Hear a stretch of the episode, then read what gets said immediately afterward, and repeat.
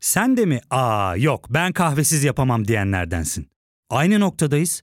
İlk ve tek kahve üyelik uygulaması Frink'le tanış. Hem bütçeni koru hem de hiç bitmeyen kahvenin tadını çıkar. Yakınlarından terapinin onlara ne kadar iyi geldiğini dinlesen de kendin için bir şeylere başlamak zor geliyor olabilir. Ya da sevdiklerine yardım etmeye istekliyken kendi ihtiyaçlarını görebilmek. Hayvel, uzman psikologlarıyla kendi ihtiyaçlarını bulmanda sana destek olacak. Terapi yolculuğuna başlamak için detaylı bilgi bölümün açıklamalarında. Trendspor'dan herkese merhabalar. Süper Lig'de 4. hafta maçları oynandı ve artık yeni bir liderimiz var. Beşiktaş, Fenerbahçe'nin elinde olan liderlik koltuğunu bu hafta itibariyle ele geçirmiş oldu. Tabi bu ilk haftalarda liderlik koltuğu sık sık el değiştirir. Fenerbahçe ilk mağlubiyetini alınca Beşiktaş da tekrar kazandı ve 10 puanla liderlik koltuğuna oturdular. Bu arada bu hafta itibariyle sezonun ilk büyük maçı da oynandı. Trabzonspor ile Galatasaray arasında golsüz ve biraz zevksiz bir maç oynandı. O maçı da konuşacağız. Ayrıca basketbolda milli mesai başladı. Dünya Kupası eleme penceresi maçları oynandı geçtiğimiz hafta sonu ve perşembe günü de Eurobasket başlıyor. İlk maça perşembe günü çıkacağız. Sports Digital basketbol yorumcusu sevgili Anıl'la milli takımın son durumunu değerlendirdik ve son olarak da teniste Amerika açık başlıyor. Ona da değineceğiz.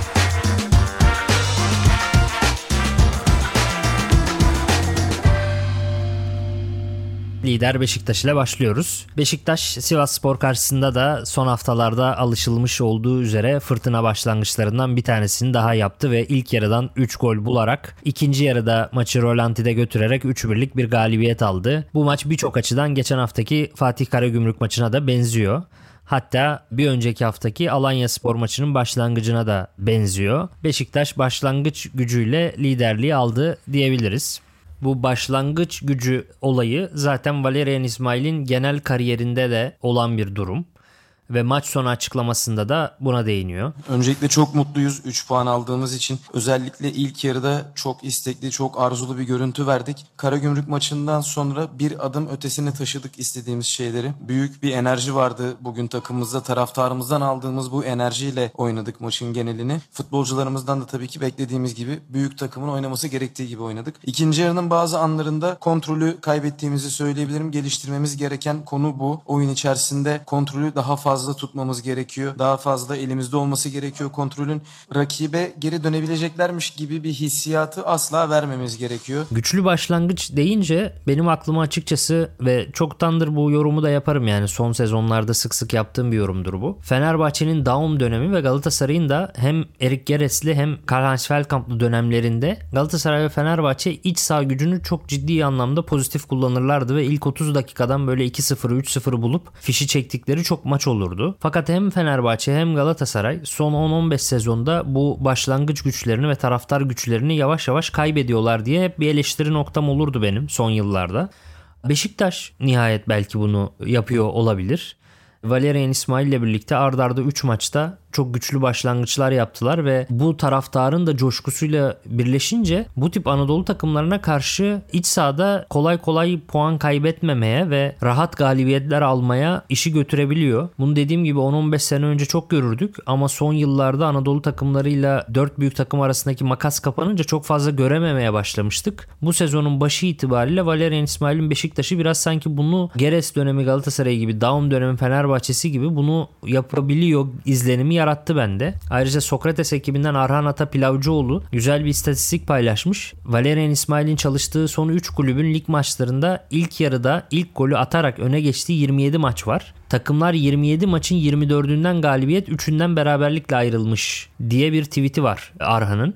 İlk yarıdan sonuca gitmek geçmişte olduğu gibi bugün de hocanın en büyük silahı olacak gibi duruyor diye de eklemiş. Kendisine %100 katılıyorum. Bir diğer önemli Valerian İsmail silahı da duran toplar olacak. Bunu geçen sezondan beri hep söylüyoruz. Geçen sezon da bunu yapmaya çalışıyorlardı ve Fatih Karagümrük'e attıkları 3. gol ile Sivas Spor'a attıkları 3. gol hemen hemen aynı. Sadece kornerlerin atılış yerleri farklı. Yine ön direğe Muleka'nın hızla girip delici bir koşu atıp kafa vuruşuyla tamamlanıyor. Gollerin atılış şekilleri gerçekten çok benzer ve yine duran toplardan da faydalandıklarını görüyoruz. Alanya Karagümrük ve bu son Sivas Spor maçında yaşadıkları da bir problem var. İkinci yarıda düşüş yaşıyor takım. Bence dayanıklılıklarını 90 dakikaya yaymaktan şu an itibariyle oldukça uzaklar. Ama bu da hem henüz 3. 4. haftadan beklemek için, Ağustos sıcaklarından beklemek için de doğru bir beklenti olmayabilir. Takımın 55'ten sonra düşüş yaşaması bana normal geliyor açıkçası. Çok anormal bir durum değil. Valerian İsmail de buna değinmiş. Bir büyük takım olarak gücümüzü 90 dakikaya yaymayı öğrenmeliyiz demiş. Devre arasında konuştuğumuz şey dördüncü golü bulmaktı. İstediğimiz şey kendi aramızda konuştuğumuz şey buydu. Ama sonrasındaki senaryo biraz geçen haftaya benzedi. Oyun kurma noktasında gereksiz hatalar yaptık. Rakibe sanki ortak olabilecekmiş hissiyatını biraz verdik. Bunun üzerine çalışacağız. Topu tutma ve oyunu tutma konusunda daha da çalışacağız. Kendimizi geliştireceğiz. Fakat bu durum yani normal olan dayanıklılık üzerinden okunması gereken bu durum bizim medyamızda haftalardır oyuncu değişiklikleri üzerinden okunuyor ki şunu fark ediyorum çok uzun zamandır. Bizim medya inanılmaz derecede oyuncu değişikliği yorumu yapmayı çok seviyor. Çünkü oyuncu değişikliği yorumu yapmak çok kolaycı bir yorum. Yani yanılgı payınız olmayan bir durum. Yani Valerian İsmail X'i soktu. Aslında Y'yi soksaydı daha iyi olurdu. Y ile gol atabilirdi veya X girmese gol yemezdi gibi yorumlar yapmak geleceğe yönelik fal açmak aslında. Yani bilmiyorsunuz ki ne, ne olacağına dair hiçbir fikriniz yok aslında. Öyle olsaydı böyle olurdu, böyle olsaydı şöyle iyi olurdu demek dünyanın en kolay işi. Ve maç sonraları bu yorumları izlediğim zaman böyle 2 saatlik televizyon programlarının 1 saat 50 dakikası X yerine Y girseydi, Y girmeseydi de Z girseydi yorumundan ibaret ve aslında hiçbir manası yok. Daha doğrusu tabii ki oyuncu değişikliklerine karar vermek bir teknik direktörün önemli görevlerinden bir tanesi ama koskoca teknik direktörlük mesleğinin sanki %95'i sadece oyuncu değişikliklerine karar vermekle şekilleniyormuş gibi.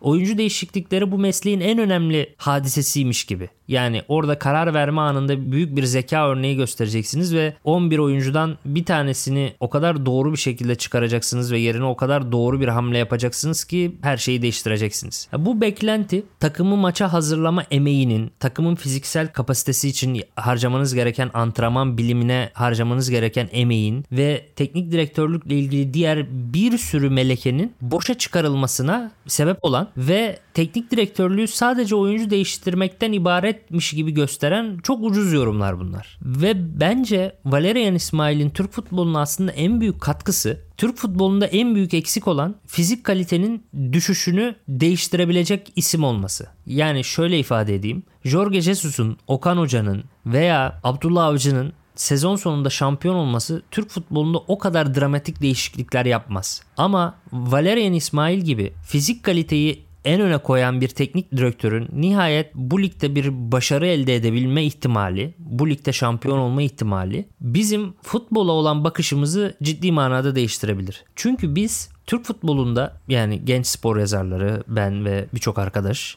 Türk futbolunda en büyük problemi çok uzun zamandır özellikle Şampiyonlar Ligi'ne giden takımlarımızı izlediğimizde fark ediyoruz ki en büyük problemimiz fizik kalite. Son olarak Trabzonspor Kopenhag karşısında onlardan daha çok para harcayamadığı için elenmedi.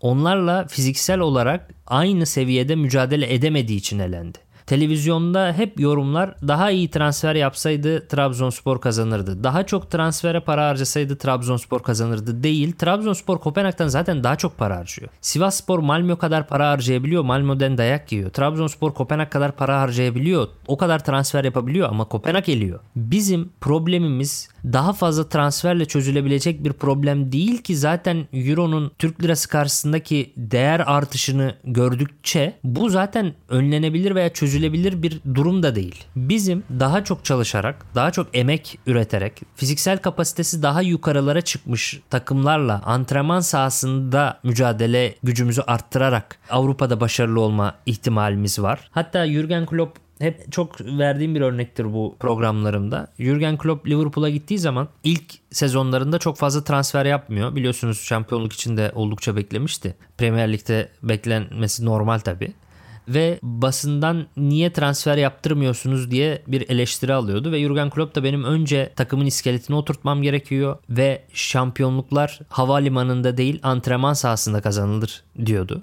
Bizim bu felsefeden bir türlü yana olamamamız gibi bir problem var. Bütün sorunları yeni transferle çözmek gibi bir derdimiz var. Ve bu belki de yani Valerian İsmail'in bu başarısı da transferle gelecek bir başarılı olmayacak. Tabii ki Vegos'un kalitesi şampiyonlukta olursa çok büyük bir rol oynayacak liderlikte de oynuyor. Tabii ki yarın öbür gün performans verirse Dellali'nin performansı belirleyici olacak. Roman Saiz'in performansı çok belirleyici olacak. Ama Valerian İsmail'i diğerlerinden ayıran öne- önemli özellik takımın fizik kalitesi olacak. Ve bu fizik kalite Türk futbolunun en büyük dezavantajı. Hatta 2019 yılında Başakşehir Avrupa Ligi'nde Roma ile eşleşmişti ve kendi sahamızda 3-0'lık bir mağlubiyet almıştık. Çok net bir mağlubiyetti. Ben de stat'taydım, tribündeydim, izlemiştim canlı olarak. Maç sonu da yoldayken TRT'yi açmıştım ve TRT'de de Hikmet Karaman vardı. O dönemde boştaydı herhalde ve yorumculuk yapıyordu. Hikmet Karaman şundan bahsetti. Maçtan sonra Romalı oyuncular 3-0 kazandıkları deplasman galibiyetinden sonra Romalı oynamayan oyuncular ve sonradan oyuna giren oyuncular maç bitimi sahanın etrafında terin antrenmanı yapmışlar ve ter koşusu atmışlar. Hikmet Karaman en basitinden kendisinin hiçbir takımında bunu yaptıramayacağını söylüyordu canlı yayında. Ve stüdyodaki diğer işte sunucular, diğer yorumcular falan da şaşırıyordu. Niye yaptıramıyorsunuz hocam diye. Hikmet Karaman da zaten çalıştığım takımlarda oyuncuların sürekli maaşları aksatılıyor. Sürekli para kazanmaları ile ilgili bir problem var ve bu yüzden ben onlara maç sonunda ekstra idman yapın diyemem. Desem bile benim oram ağrıyor, buram ağrıyor diyecekler ve paralarını alamamakla ilgili sıkıntıdan dolayı antrenmanları da bu yüzden yapmıyorlar veya yarım yamalak yapıyorlar gibi bir ifadede bulundu. Yani gömleğin en üst düğmesi baştan yanlış iliklenince oyunculara maaş ödemesi bile baştan doğru düzgün yapılamayınca ve her iş ricayen bu yüzden yapıldığı için de ne takımlarda disiplin oluyor. Disiplinin olmadığı yerde de çalışma ve azim de eksiliyor. Valerian İsmail geldiğinden beri sürekli bir disiplin vurgusu yapar. Sürekli antrenmanları vurgular gereksiz yere kart gören oyuncuların kulüp tarafından para cezasıyla cezalandırılması gerektiğini söyler. Bunlar Türk futbolu için değişmesi gereken şeyler, yapılması gereken şeyler ve o yüzden Valerian İsmail'in başarılı olmasını içten içe çok istiyorum. Ve kendisini bir dönem, yakın bir dönem önce Galatasaray'da görev yapmış Igor Tudor'a da çok benzetiyorum. Bence karakter olarak da, fizik olarak da, tip olarak da, konuşma tarzı olarak da, futbolculukları olarak da birbirlerine çok benzer adamlar Igor Tudor ve Valerian İsmail. Oynattıkları oyun da, teknik adamlık anlayışları da benzer. Genç teknik adamlar bugün itibariyle ve taktik olarak bir Şenol Güneş, bir Fatih Terim, bir Jorge Jesus deneyiminde olmayabilirler ama Avrupa futboluna yatkınlık olarak, o talepkarlık olarak, fizik talepkarlığı olarak bizi Avrupa futboluna yakınlaştırabilecek teknik adamlar kendileri ve Igor Tudor Galatasaray döneminde o krizden kurtulamadı kaybettiği puanlardan sonra çok ağır eleştiriler aldı ve kenarda Fatih Terim gibi bir figürü vardı ve Fatih Terim göreve geldi onun yerine ve Fatih Terim ondan aldığı mirasla da şampiyon oldu. Belki Igor Tudor kalsaydı Galatasaray şampiyon da olamazdı. Fatih Terim o mirası şampiyonluğa götürdü o deneyiminden, geçmiş deneyiminden faydalanarak. Hatta bir sonraki sene tekrar şampiyon oldu. Ama Fatih Terim'le Türk futbolunun son 8-10 yılındaki olduğu dönemden farklı bir yere de gidemedi. 2 yıl üst üste şampiyon olduktan sonraki 2 sene de şampiyon olamadı veya olsaydı bile zaten öyle çok farklı Avrupa futboluna yakın bir oyun kalitesi zaten olmayacaktı, olmuyordu. Bunu tabii ki başka ekonomik problemlere falan da bağlayabilirsiniz. Ama belki Igor Tudor da başarılı olamayacaktı. Belki Fatih Hoca'nın şampiyon yaptığı takım şampiyon dahi yapamayacaktı. Ama Igor Tudor bugün Avrupa ile yarışabileceğiniz fizik standardı talep ediyordu. Ve Serie A'ya gittiğinde de başarılı oldu. Güzel işler yaptı ve sonra şimdi de Marsilya'ya yükseldi. Marsilya'da da çok güzel bir giriş yaptı. Belki yine Galatasaray'da yaşadığı problemleri yaşayacak. Orada da çok büyük taraftar kitlesi var ve Paya gibi büyük isimler var ve belki onlarla da bir, bir takım krizler yaşayacak ve belki oradan da ayrılmanın eşiğine geldi zaten birkaç kez de. Belki devam edemeyecek ama şunu demek istiyorum. Igor Tudor veya Valerian İsmail, Şenol Güneş, Fatih Terim ve Jorge Jesus seviyesinde teknik direktörler değiller belki gençler ama Avrupa futbolunun gerektirdiği fizik kaliteyi talep eden ve o disiplini talep eden teknik adamlar ve Türk futbolunun da biraz bu tip teknik adamlara ihtiyaç, ihtiyacı var diye düşünüyorum. O yüzden Valerian İsmail'in başarılı olmasını da ayrıca istiyorum diyeyim ve Konya Spor Fenerbahçe maçına geçeyim. Jorge Jesus maçtan sonra dinamik ve hızlı futbolumuzu oynayamadık diyor ve belki de geldiğinden beri en kötü Fenerbahçe vardı. Jorge Jesus göreve geldiğinden beri en kötü Fenerbahçe vardı. Bugün takıma baktığımız zaman son iki ayda göstermiş olduğumuz dinamik ve hızlı futbolu hem ofansif hem defansif anlamda dinamik ve hızlı futbolu sergileyemedik. İstediğimiz fikirleri uygulayamadık. Maçta nadir e, gol pozisyonu oldu iki takım adına da. Rakibimiz geliştirdiği enler ataklardan birinde golü buldu ve 1-0 kazandı. Yapmamız gereken şey önümüzdeki maça bakmak. Açıkçası bu Lemos'un kalite noksanlığı, kolay çalım yemesi, yanlış pozisyon alması bu zaten her hafta gördüğümüz bir şey. Oyunculardan kaynaklı kalitesizlikleri görülebilen bir şeydi ama oyunun bu kadar bozulduğu, takımın genel oyun kalitesinin bu kadar bozulduğu, daha önce Kiev maçları da dahil bu kadar gördüğümüz bir durum olmamıştı. Bu açıdan İlhan Palut'u tebrik ederim. Gerçekten rakibini bozmak adına bütün planları tuttu. Konyaspor rakibini bence oynatmadı ve orta blokta çok sağlam durduklarını düşünüyorum. Kendi kalelerine Fenerbahçe'yi neredeyse hiç yaklaştırmadılar. Oldukça ileride savundular ve Fenerbahçe kendi takım savunmasını çok öne çıkarmasına ve Konyaspor'u defalarca offside'a düşürmesine rağmen yani kompakt bir duruş sergilemesine rağmen bir türlü orta saha ve hücumda oyun üstünlüğünü eline alamadı. Aslında dar durdular yani yakın durdular birbirlerine. Savunma oldukça öne çıktı. Ama orta saha merkezinde Arao ve Zayis ikilisi rakipte Soner, Amir Adzamatovic ve Rahmanovic üçlüsüne karşı hem nicelik hem de fiziksel nitelik olarak eksik kaldılar ve Fenerbahçe çok fazla top yapamadı.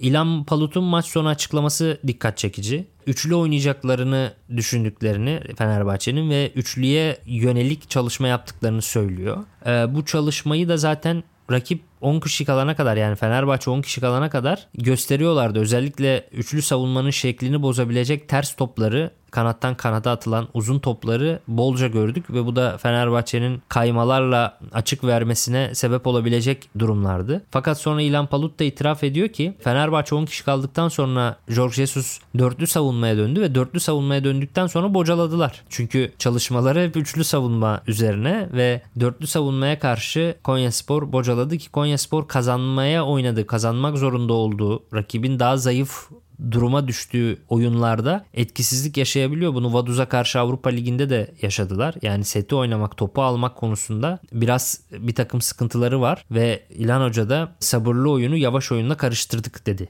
maç sonrasında. Enteresandır rakibimiz 10 kişi kalıp sistemini değiştirdiği zaman biz bir bocalama dönemine girdik. Buna hemen adapte olamadık. Sabırla yavaş oynamayı birbirine karıştırdık ve artı bir kişi oynadığımız yarım saatlik süreyi yeteri kadar efektif kullanamadık maalesef. Maçla ilgili açıkçası çok fazla söylenecek bir şey yok. Yani öyle çok uzun uzadıya Konyaspor Fenerbahçe maçının yorumlanmasına değecek bir şey yok. Konyaspor'un baştan sona planlarının tuttuğunu söylemek lazım. Sadece 11'e 10 bölümde yeterince etkili olamadılar. 10'a 10 kaldıktan sonra maç yine ortadaydı ve istediklerini daha net uygulayabilen Konyaspor güzel bir kafa golüyle de galibiyeti aldı. Tabii onlarda Çikaleşi vardı santrfor pozisyonunda. O Suudi Arabistan'a transfer olmuştu geçtiğimiz günlerde ve İkbazu diye yeni bir transferleri de maçın son bölümünde oyuna girdi ki sosyal medyada oldukça paylaşılan bir oyuncu oldu. Süper Lig'e yeni bir renk katacağı çok bariz ortada. Öyle ki böyle sanki çılgınlar gibi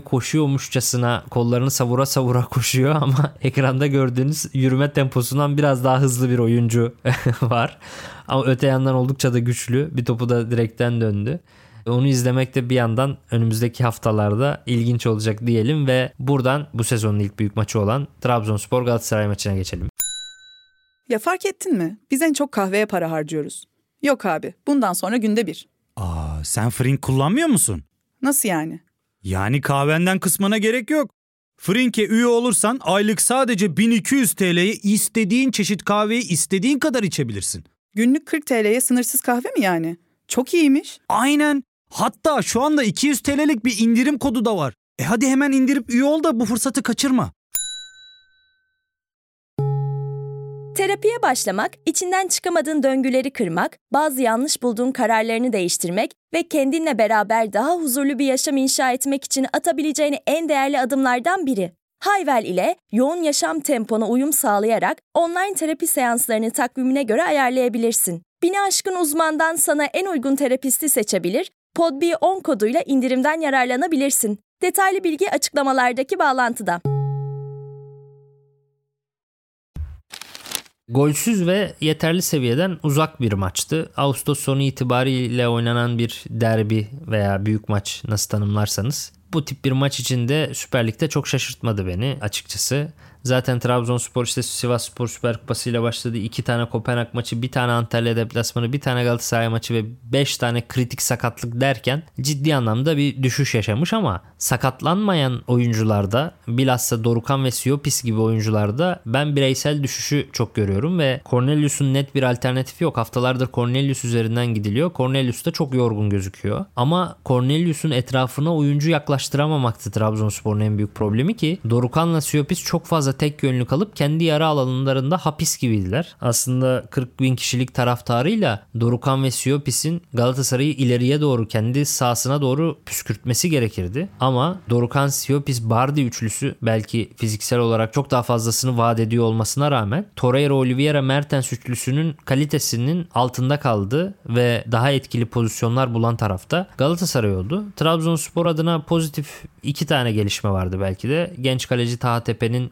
Uğurcan'ın yokluğunu aratmaması ve çok iyi bir maç çıkarması. Bir de yeni transfer Bartra'nın gladyatör gibi bir stoper performans sergilemesi dikkat çekti. Seferovic ile her eşleşmelerinde neredeyse Seferovic'e karşı üstündü. Galatasaray'ın gol bulamamasındaki önemli nedenlerden bir tanesi bu oldu. Galatasaray santrforunu bertaraf etti. Bartra tam 8 top kapma, 5 pas kesme ve 5 de pozisyon uzaklaştırma gibi müthiş bir istatistik yakaladı maç sonu itibariyle ve Seferovic'i bir tek Hugo ile birebir eşleştiğinde etkili olabildiği pozisyonlarda gördüm. 30 ile 40. dakikalar arası. Hatta bir tanesi Mertens'in kaleciyle karşı karşıya yakaladığı pozisyonun başlangıcında Seferovic Vitor Hugo'nun önünden sırtı dönük topu alıyor ve orada Yunus üzerinden de Mertens'le net bir gol pozisyonu yakalanıyor. Seferovic'in de maçta en etkili olduğu an onu da Hugo üzerinden yaptı. Yani ne zaman Bartra'dan çıkıp Hugo tarafına geldiği zaman daha etkili oldu aslında. Galatasaray için de pozitif ve negatif etmenler var.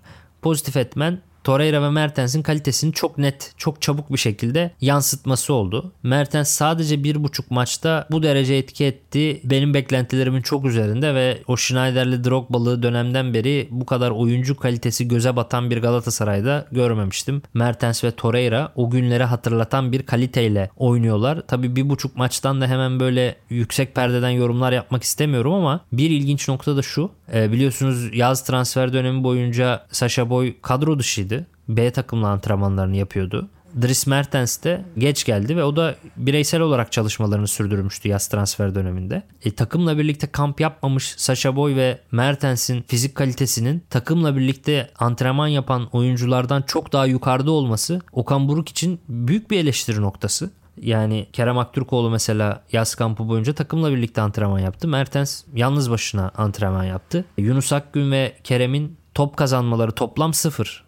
Pas kesmeleri sıfır, uzaklaştırmaları sıfır. Mertens'in tek başına 5 top kazanma, bir pas kesme, bir de pozisyon uzaklaştırması var takım savunması adına. Bu gerçekten önemli. Galatasaray'ın yapamadığı şeylerden bir tanesi olarak da ligin 4. haftasına kadar yapamadı bunu zaten. Sasha Boy savunmada çok iyi olmasına rağmen her iki beki de Galatasaray'ın hücumda final pas ve final ortalarda yine yetersiz kaldı. Sasha Boy maçın en iyilerinden de ama hücumda net bir eksiği var Sasha Boy'un. Fananolt'un daha da fazlası var. Dubois'ın gelmesiyle belki bekteki final işçilerin kalitesi artacaktır. Galatasaray zaten transfer de istiyor. Okan Hoca hem boyla ilgili hem de transferle ilgili açıklamalarını yaptı. Ya Saşa bizde devam edecek. Onunla ilgili herhangi bir düşüncemiz yok. Zaten şu anda takımımızın performansı olarak bugün de bunu gördük. En iyilerinden biriydi. Evet basketbola geçiyoruz. Basketbolda milli bir mesai var. Dünya Kupası eleme penceresinde Cuma günü Letonya ile oynadık ve 111-85 kaybettik. Pazar günü de Sırbistan'a karşı mücadele ettik. O maçta 79-72 mağlubiyetle sonuçlandı. Dünya Kupası eleme penceresinde oynadığımız 6 maçın 4'ünü kaybettik ve orada şansımız biraz azalmış gibi ve biraz yüzümüzü de Eurobasket'e dönüyoruz. Perşembe günü Karadağ ile ilk maçımızı oynayacağız. Anıl'la birlikteyiz. Anıl selamlar. Selamlar abi. Önce maçları sorayım. Letonya ve Sırbistan güçlü rakipler ama çok da direnemedik sanki. Ne diyorsun? Yani abi iki maçı biraz aslında iç yüzüne de gerekiyor diye düşünüyorum burada. Letonya maçı çok iyi bir sınav olmadı. Hatta baya kötü bir sınav oldu bizim için. Özellikle de işte savunma kısmında yaşadığımız sıkıntılar Letonya'nın üçlüklerine cevap veremememiz derken Sırbistan maçının ilk yarısı da aslında biraz o senaryoya doğru gidiyordu. Neyse ki ikinci yarıda takımın ve biraz oyun sisteminin aslında burada değişmesi. Farklı müdahaleler geldi Koç Ergin Ataman'dan ve orada daha iyi bir yapıya doğru gitmiştik ki maçı da aslında beraberliğe kadar getirdik ama işte MCD'nin orada Alperen'in, Furkan'ın bazı tercihleri vesaire derken maç sonunda maç elimizden kayıp gitti diyebiliriz. Dünya Kupası ile umutlar azaldı diye düşünüyorum. Doğru mudur? Evet abi orada şu an Letonya 5 galibiyet bir mağlubiyetle zaten lider. E, grupta Yunanistan, Sırbistan olduğunu da düşünürsek ki Belçika da mesela sürpriz bir takım orada. Ya biraz zora soktuk diyebiliriz o kısmı. Peki Eurobasket biraz daha önem kazandı bu durumda ve Perşembe günü Karadağ ile ilk maçımıza çıkıyoruz. Grubu söyleyeyim ben. İspanya, Karadağ, Gürcistan, Belçika ve Bulgaristan'la aynı gruptayız. 6 takımdan 4 farklı grup ve 24 takımla Eurobasket oynanıyor. 6 takımdan 4'ü gruptan çıkıyor. Herhalde bu 6 takım arasında ilk 4'e gireriz diye düşünüyorum. Doğru yani mudur? abi, şu grupta aslında kağıt üzerinde baktığımız zaman İspanya zaten doğal olarak favoriydi ama onların hem sakatlıkları hem de turnuvaya katılmayan oyuncular olduğunu düşünürsek ya biz liderlik için bile bu grupta aslında ciddi adayız. Yani bence İspanya ve Türkiye şu an en büyük adaylar. İspanya'nın kadrosu alışığa geldiğimiz kadroların çok dışında şu anda. En sonunda da Sergio Yul bir sakatlık yaşayıp kadrodan çıktı. Hatta yerine işte Alberto Diaz'ı vesaire kadroya kattı ama çok yetenekli bir takım değiller o kadar yani. İşte genç Usman Garba var NBA'den. Daha sonra işte Hernan Gomez biraderler var orada. O isimler var. Bizim grupta tabii ki diğer takımlar Karadağ. Hatta biz ilk Karadağ ile başlayacağız mesaiye. Karadağ takımını çok kısa konuşmak gerekirse tabii çok uzun ağırlıklı bir takım. Özellikle Boyan Dubliyevic'in işte Euroleague'in gediklilerinden çok önemli bir uzun olduğunu biliyoruz. Post-up'ta tamamen bir uzman. Ki bizim de milli takımımızın biraz e, o tip ayağını yerden kesmeyen post-up uzunlarına karşı sorun yaşadığını da biliyoruz savunmada. Ki burada aslında Ömer Faruk'u da e, bu noktada aradığımızı söylemekte fayda var. E, tabii ki Karadağ bu noktada meziyetli bir takım ama takımın yetenek toplamı da bizim yanımıza yaklaşacak bir seviyede değil şu anda.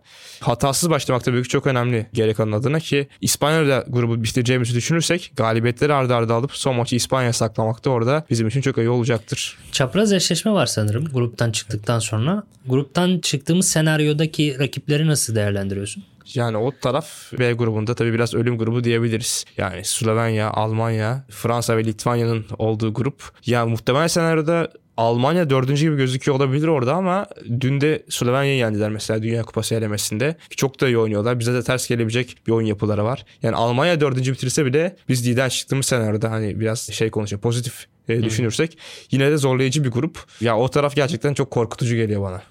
Turnuva ile ilgili favorin kimdir? Hangi ülke? Ya normal şartlarda abi buna farklı bir cevap verecektim ama çok fazla sakatlanan isimler oldu. Yani bu Dünya Kupası penceresinin bir hafta kala olması çok Hı-hı. ciddi sıkıntı çıkardı. Mesela bizim grubumuzdaki Gürcistan'ın en iyi oyuncusu şu anda turnuvada yok. Şengelle sakatlandı. İşte İspanya'da Yuri sakatlandı. Satoranskiler sakatlandı. Doncic bile geçen hatta dün oynanan maçta sakatlanmıştı. Kenara geldi sonra yeniden oyuna girdi. Neyse ki onda bir şey yok. Slovenya son Euro basketi kazanmıştı. Burada aslında doğal bir favori olarak görülebilir. Ki zaten turnuvanın en iyi 3 oyuncusundan birisi. Doncic orada. Sırbistan yok işte birlikte birlikte tabii ki orada favori görülmesi gerekiyor. Yunanistan'da da Antetokounmpo ve etrafındaki oyuncularla birlikte. Ben tam sağlıklı oldukları senaryoda ki onların da durumu belli değil şu anda bazı oyuncular ama Yunanistan'ın bir adım daha önde olduğunu ben düşünüyorum kendi adıma. Peki milli takımdan beklentin nedir? Gruptan çıkmasını bekliyorsun anladığım kadarıyla ama bir sonraki eşleşmede herhalde zor bir kura geliyor. Pozitif ve negatif beklentini alayım milli takımdan. Yani milli takımı şöyle düşünürsek aslında bu takımı bir güç sıralaması yaptığımız zaman bence ilk 6, 7 hatta kimilerine göre ilk 5 takım arasında yazıyorlar milli takımımızı. Özellikle işte NBA oyuncuları, Euroleague'deki yıldızlarımız derken e, ama burada tabii ki eşleşme şansının da çok önemli olması gerekiyor özellikle de o B grubundan. Ya gruptan lider çıktığımız senaryoda B grubundan gelecek takıma göre de zaten bir şekilde kendimizi çeyrek finale atma ihtimalimiz olabilir. Yani top 16 burada kesin gibi gözüküyor şu anda tabii ki erken konuşmak çok sağlıklı bir şey değil ama çeyrek final Oradan da yani bence çeyrek final ve üzeri olabilir diye düşünüyorum ilk etapta ama tabii ki beklentileri de doğru ayarlamak gerekiyor. Peki milli takımın geleceğini nasıl görüyorsun? Şimdi Ömer Faruk tartışmaları öne çıktı ama işte Dünya Kupası'na büyük ihtimalle katılamayacak olmak ve Eurobasket'te de belki işte ilk 8 hedeflenebilir dedin. Önümüzdeki dönemlerle ilgili milli takımın potansiyelli oyuncuları olduğunu düşünüyor musun? Gelecek yıllarda çünkü ben mesela bizim gençliğimizde işte 2001'deki turnuvada olsun final oynayan bir milli takım vardı. Hatta da sonra 2010'da da final oynandı. Ama sanki bir son dönemde o başarılardan biraz uzaklaşılmış gibi bir durum söz konusu. Gelecekte tekrar o başarıları yakalamak Avrupa'nın en iyi basketbol takımlarından bir tanesi olma ihtimali var mıdır sence? Yani şu anda aslında özellikle çok fazla oyuncunun NBA'ye gitmesiyle birlikte bu hedeflerinde gibi gözüküyor ama burada biraz şöyle bir sıkıntı var. Bence takım olgusu ve pozisyon sıkışıklığı var. Yani mesela genelde iyi oyuncuların hepsi uzun rotasyonda şu an Türkiye'nin NBA olmuş veya işte Adem Bona var. Şu an NCAA'de belki gelecekte o da milli takımda oynayacak ve NBA olacak. Ama işin guard kısmında bir sıkıntımız var oyun kurucu. Sıkıntısı ki devşirme oyuncumuz var burada. Shane Larkin milli takımda oynuyor. Oradan aslında düşündüğümüz zaman yine de potansiyelli bir jenerasyon geliyor gibi ama tabii ki bunu ne şekilde kanalize edeceğiz, e, ne şekilde oyuncuları yetiştireceğiz, hangi pozisyona daha fazla yatırım yapacağız bunlar çok önemli. Yani zaten genel bir sıkıntısı bu milli takımların son yıllarda özellikle işin oyun kurucu tarafında. Yani oraya çok ciddi şekilde altyapılara yatırım yapıp oradan bir artık genç yıldızlar potansiyelleri keşfetmek gerekiyor ki alt yaş kategorilerinde de gördük. O rolü kaldırabilecek gelecekte oyuncular da var. Tabii ki bu oyuncuları doğru kullanıp doğru yerlerde yetiştirip doğru takımlarda e, süre almaları gerekiyor gerekiyor. Teşekkür ederim Anıl. Ağzına sağlık. Önümüzdeki haftalarda da Eurobasket'te gruplardan çıkıldıktan sonra, maçlar oynandıktan sonra tekrar seni ağırlamak isteriz. Teşekkür ediyorum. Ben teşekkür ederim abi davetiniz için. Teşekkürler. Son olarak tenise geçiyoruz. Bu hafta ilk kez tenis konuşacağız. Amerika Açık başladı. 29 Ağustos 11 Eylül tarihleri arasında oynanıyor Amerika Açık. Kadınlarda efsane isim Serena Williams kariyerinin son Grand Slam'ine çıkıyor. Eski kadınlar bir numarası Romanyalı Simona Halep de ciddi anlamda bir form yakaladı. Amerika'da sürpriz yapma ihtimalinden bahsediliyor. Antrenör değişikliği yaşadı ve yeni antrenörü Serena Williams'la çalıştığı dönemden de tanınan Patrick Murat oldu. Simone Halep'in ayrıca Georgia Haji'nin manevi kızı olması gibi de bir bilgi var bende. Onu da e, söylemiş olayım. Biliyorsunuz Galatasaray'ın ve Romanya futbolunun efsane ismi Haji sporculara çok destek olan biri ve Simone Halep henüz 10'lu yaşlarının başındayken bir fotoğrafları da var birlikte. Hacı kendisine manevi babalık yapıyor. Ekonomik anlamda onun spor gelişiminde ciddi bir destek veriyor ve Halep'te gerçekten o desteği boşa çıkarmıyor. Sonrasında büyük bir tenisçi oluyor ve geçtiğimiz yıllarda Sokrates'e bir röportaj vermişti Halep. İdol olarak Hacı'yı gördüğünden ve Romanya'da tüm sporcuların Hacı'yı örnek alması gerektiğinden bahseden açıklamaları da vardı. Her ikisi de Köstenceli sanırım Arnavut kökenli Rumenlerden. Böyle bir ilginç bir bilgi de var. Erkeklerde ise Novak Djokovic aşı olmayı reddettiği için Amerika'ya giriş yapamıyor biliyorsunuz. Bu sebeple de turnuvada yer alamayacak. Geçen senenin finalistiydi. Amerika'ya gidemeyen Djokovic pazar akşamı da Türkiye'deydi. İstanbul'da Türkiye ile Sırbistan arasında oynanan erkek basketbol maçını izlemeye gelmişti. Erkeklerde bir numara olarak gelen isimse Rusyalı tenisçi Medvedev. Medvedev geçen sene bu turnuvayı kazanan isimdi. Tabi bir diğer büyük favori de Rafael Nadal. Avustralya ve Roland Garros'u kazanmıştı Nadal. Wimbledon'da da yarı final maçında sakatlığı nedeniyle devam edememişti. Nadal turnuvayı kazanırsa eğer 5. kez kazanmış olacak. Daha önce Amerika açığı 5 kez kazanmış olan 3 farklı isim daha var. Bir tanesi Pete Sampras. Benim çocukluğumda en sevdiğim tenisçiydi kendisi. İnanılmaz sert servisler atabiliyordu. Roger Federer var 5 kez kazanan ve Jimmy Connors var. Eğer Nadal kazanırsa onların rekorunu egale etmeyi başaracak. Amerika açıktaki en başarılı dördüncü isim kendisi olacak. Merakla bekliyoruz. Gelecek hafta tekrar ne oldu ne bitti hem Eurobasket'te hem de Amerika açıkta neler yaşandı tekrar üzerinden geçeriz. Dinlediğiniz için teşekkürler. Görüşmek üzere. Hoşçakalın.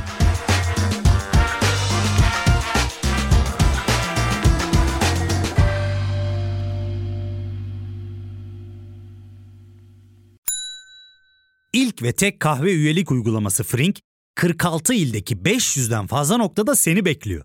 Açıklamadaki kodu girerek sana özel 200 TL'lik indirimden faydalanmayı unutma. Hadi sen de Frink üyeliğini başlat, kahven hiç bitmesin. Hem bugününe hem yarınına katacaklarıyla terapi yolculuğuna ve daha iyi hissetmeye bugün Hayvel ile başla. Açıklamadaki linkten Hayvel'i indir, ücretsiz tanışma görüşmelerinin ardından bütçene uygun seans paketini seç ve terapi yolculuğuna başla.